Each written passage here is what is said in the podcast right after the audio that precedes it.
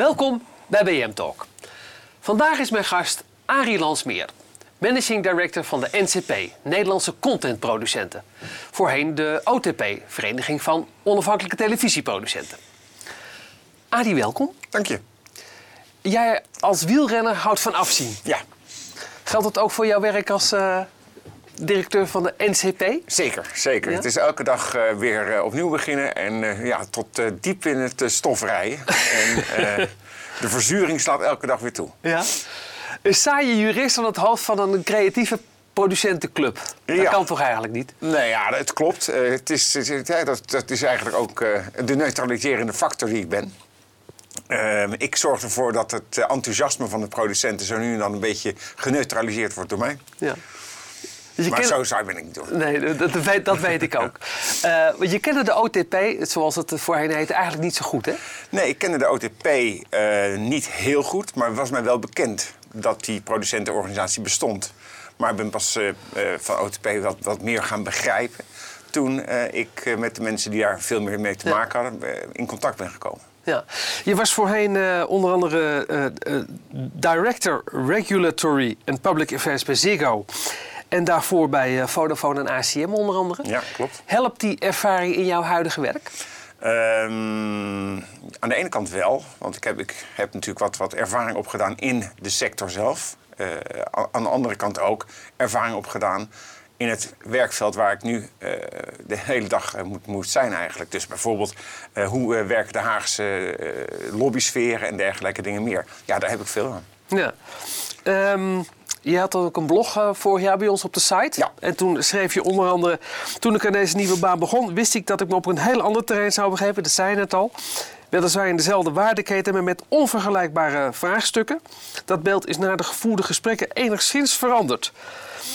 Ehm, was je geschrokken van de situatie waar je in eh Nou, belandde? Ik, ik ben natuurlijk helemaal aan het einde, einde van de waardeketen was ik. Ja. Dus echt het, bij het afrekenen bij de ja. consument. Ja. En vervolgens kom je helemaal aan het begin van de waardeketen. Ja. En dan zie je gewoon dat de, ja, die waardeketen waar je allemaal een, een rol in speelt... Ja. dat het voor de producent heel anders is dan voor bijvoorbeeld een distributeur... die eh, een, laat ik zeggen, een eindrelatie met de consument heeft. Precies. Want je zei van producenten eh, worden fors harder geraakt door een eh, steeds veranderende omgeving. Nieuwe platforms, nieuwe spelers, Netflix, Amazon, nieuwe verdienmodellen. Eh, en daarnaast krijgen ze steeds weer te maken ook met nieuwe regel en wetgeving. Ehm, dus wat ga je daar aan doen, Adi? Nou ja, laat vooropstellen dat ook de distributeurs, dus die hebben ook te maken met een veranderende omgeving. De Netflix en Amazon Prime en dergelijke dingen meer, die, dat komt ook op alle partijen af. Ja. Ehm, voor producenten geldt natuurlijk een beetje meer dat er meer afnemers zouden moeten komen. Eh, Netflix, Amazon Prime, nieuwe platforms zouden ook meer programma's moeten inkopen. En dat zou eigenlijk gunstig moeten zijn voor de producenten. Zo is het. En wat je alleen ziet is, we zien het nog niet echt heel erg terug in de toenemende marges en dergelijke dingen meer. En dat zou ik graag eh, anders willen zien. In eh, BM zei je ook dat eh, de NCP een volwaardige gesprekspartner wil zijn voor iedereen die met het producentenvak eh, te maken heeft. Ja. Lukt dat een beetje?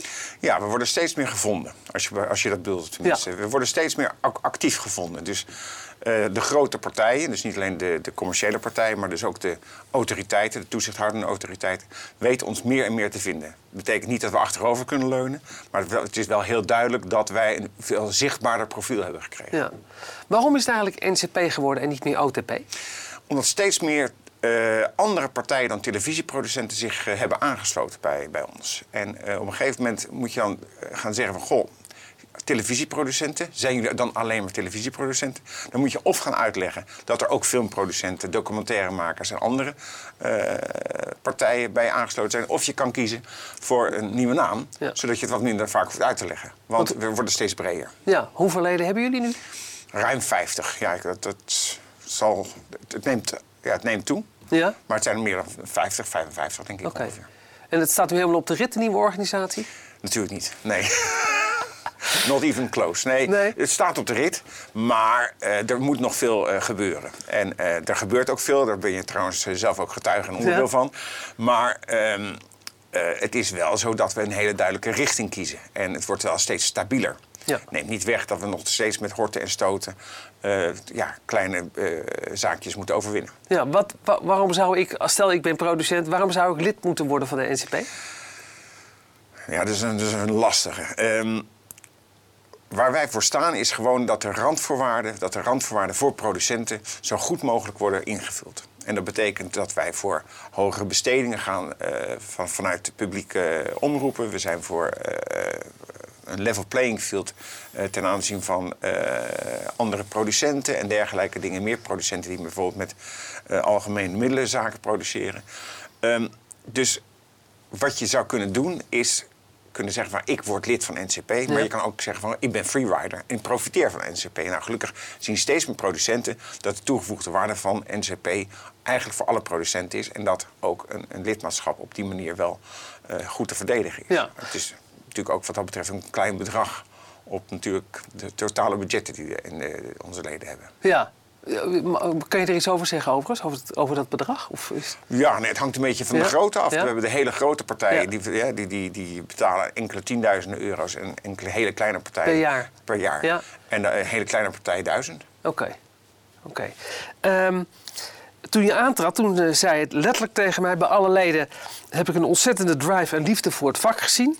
Ik zeg het zonder schroom, dat heb ik in mijn voorgaande functies nooit ervaren. Dat is de kracht en meteen ook de zwakte van het vak producent. Leg uit. Heb ik dat echt gezegd? Ja, dat heb je tegen mij gezegd. Hoi. Ehm, nou, ik heb het wel Ja. eens eerder gezien hoor. Het enthousiasme en dergelijke dingen meer. Maar het, het probleem van een producent Ja. is, denk ik, Ja. ehm, althans zo zie ik het, hè, het is een persoonlijke noot, dat eh, een producent wil ten koste van alles produceren. Ja. En wat je dan ziet is dat hij door zijn enthousiasme eigenlijk in een eh, situatie komt dat zijn onderhandelingspositie wat minder is. Want hij moet en zal dat product maken, die productie maken. En dat betekent dat de afnemer van die productie dat natuurlijk ook ziet. En die zal zeggen van ja... eh, het daar misbruik van maakt, eigenlijk een beetje. misbruik of Nou ja, gebruik van gebruik ja, van maakt. wat, wat netter wat dat betreft. Ja, ja. precies. Hij doet zichzelf een beetje tekort, de producent, vind Absoluut, jij? Ja, ja, ja. Ja. Op- niet altijd, maar dat gebeurt. Oh, ja, overkomt de producent zeker wel eens. Ja, nou, dan wordt er ook wel wat aan gedaan. Er werd niet zo lang geleden is bijvoorbeeld een convenant gesloten eh, tussen de NCP, de NPO en de publieke omroepen. Ehm, afspraken als het gaat om verdeling van rechten eh, en inkomsten eh, en exploitatie uit verschillende producten. Werkt dat, het Ja. convenant? Ja, het is natuurlijk een eerste keer dat er zo'n convenant is afgesloten. Dus, eh, althans, voor mij was dat de eerste keer. Dat was nog onder mijn voorganger. Ehm, we zijn nu bezig met de heronderhandeling van het convenant. En daar proberen we de zaken die wat minder goed geregeld waren... proberen we beter te regelen. En ik moet heel eerlijk zeggen, dat, dat convenant geeft een goed houvast... Voor de, eigenlijk voor de relatie tussen de publieke omroepen en de producenten. Wat is er nog niet zo goed geregeld? Wat kan er beter? Jou Nou, er zijn een aantal zaken die steeds weer tot eh, discussie leiden. Zoals eh, worden de zaken inclusief of exclusief, eh, exclusief BTW eh, genoemd? Hoe zit het met de verdeling van de rechten en dergelijke dingen meer? Vaak zi- zit er nog vaak een grijs gebied aan... waarbij de producent en publieke omroep nog steeds het convenant een beetje moeten interpreteren. Ja. Eh, er ligt ook een wettelijke afspraak volgens mij nog steeds dat ehm 16,5% van het aanbod moet komen van de buitenproducent. Ja. Wordt dat gehaald? Dat wordt gehaald. Ja? Dat wordt gehaald. Ehm, we staan echter op het standpunt dat we op een bepaalde manier een fair share zouden moeten hebben van het hele OCW-budget. Ja. Dus eh, Wat is, wat is dat in, jou, in jullie optiek? Nou, in mijn optiek Ja? zou een. een, een, een eh, kijk, het hangt een beetje af wat je als percentage hanteert. Maar als je het hele OCW-budget, Ja. programmabudget eh, hanteert, dan zou je toch zeggen van nou. Wat is dat? Zo'n zo'n voor de goede? 700 à 800, 800 miljoen, miljoen, ja. Nou, als je zegt van nou, een derde gaat naar de buitenproducent. Ja. De buitenproducent maakt toch eigenlijk alle succesvolle programma's. Hè, afgezien van, van eh Ajax Juventus. Eh, maar dan denk ik van een derde naar de buitenproducenten... dat dat niet een gek bedrag zou zijn. Zit dat erin? Ehm, uiteindelijk denk ik wel. Ik denk dat dat een lange adem zal zijn... maar daar gaan we wel heel, eh, heel erg hard voor vechten. Ja, en we hebben natuurlijk niet alleen te maken met publieke omroep en commerciële omroepen, maar ook met de Netflix, de YouTubes, de Amazons. We zijn het al. Opkomst van nieuwe platforms als de Telegraaf ook. Ja. Eh, Linda TV. Ehm, je zou toch zeggen inderdaad dat de toekomst van NCP-leden echt geramd zit. Nou ja, dat, dat, dat, wat vertelde ik je net. Ik, als je ziet hoeveel afnemers, hoeveel Ja. vraag er zou moeten zijn extra door die toetreding van, die nieuwe, eh, van deze nieuwe spelers, dan zou je verwachten dat er eh, ook daadwerkelijk veel meer eh, vraag zou zijn en de prijs omhoog. Hè, naarmate meer vraag is en het aanbod blijft gelijk, zou de, de prijs omhoog moeten gaan. Ja. Dus de, de, prijs van de productie. Dat zien we nog niet Nee. echt. Wat we wel zien is ontzettend veel andere partijen die nu eh, momenteel ook producties afnemen. Ja. En zit je daar dan ook aan tafel en probeer je daar ook eh, zeg maar, soort met- over, overkoepelende deals mee te maken? Ja, we zijn met, met Netflix Ja? zijn we in, in, gesprek, maar natuurlijk ook met OCW. Want er zijn natuurlijk allerlei eh, discussies over... eh, moet er een, een investeringsverplichting, moet er een, een heffing Ja. op, op, op Netflix zijn? Nou, wij zijn meer eh, van het investeren in Nederlandse eh, producties... Ja. dan dat we zijn van een heffing waar, dat dan, hè, waar het op een gegeven moment dan weer ergens naartoe gaat... wat oncontroleerbaar is. Ja. Je zei al, de, de NCP is, is, is breed georiënteerd. Hè? Want je hebt de documentairemakers, je hebt de filmjongens... Ja. je hebt de, de, de, de traditionele producenten, de, de online producenten niet te vergeten. Is het niet te breed? Want iedereen heeft toch zijn eigen belang? Dat is een vraag die natuurlijk vaker gesteld Ja. wordt. En eh, ook een terechte vraag. Ehm, eigenlijk binnen OTP, dus het, het, het, de, de, voorganger van NCP, had je natuurlijk ook verschillende belangen tussen grote en kleine produ- producenten. Ehm, maar naarmate je als partij, als brancheorganisatie groter bent, is je stem ook, eh, ja, laat ik zeggen, wordt, wordt, wordt sneller gehoord.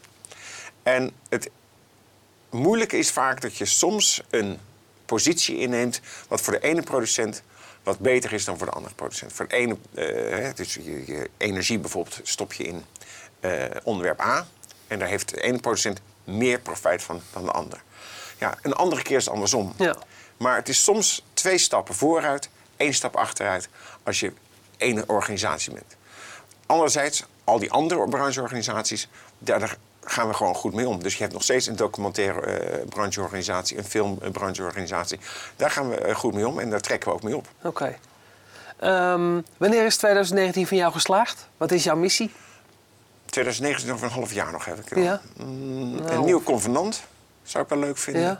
Een eh, afspraak over de bestedingsverplichting van Ja. de publieke omroepen bij eh, de producenten, bij de onafhankelijke producenten. Dankjewel Adi dat je mijn gast was. En veel succes. Graag gedaan, dankjewel. Tot zover BM Talk. Mijn volgende gast is voor u een vraag en voor mij nog veel meer. Tot de volgende keer.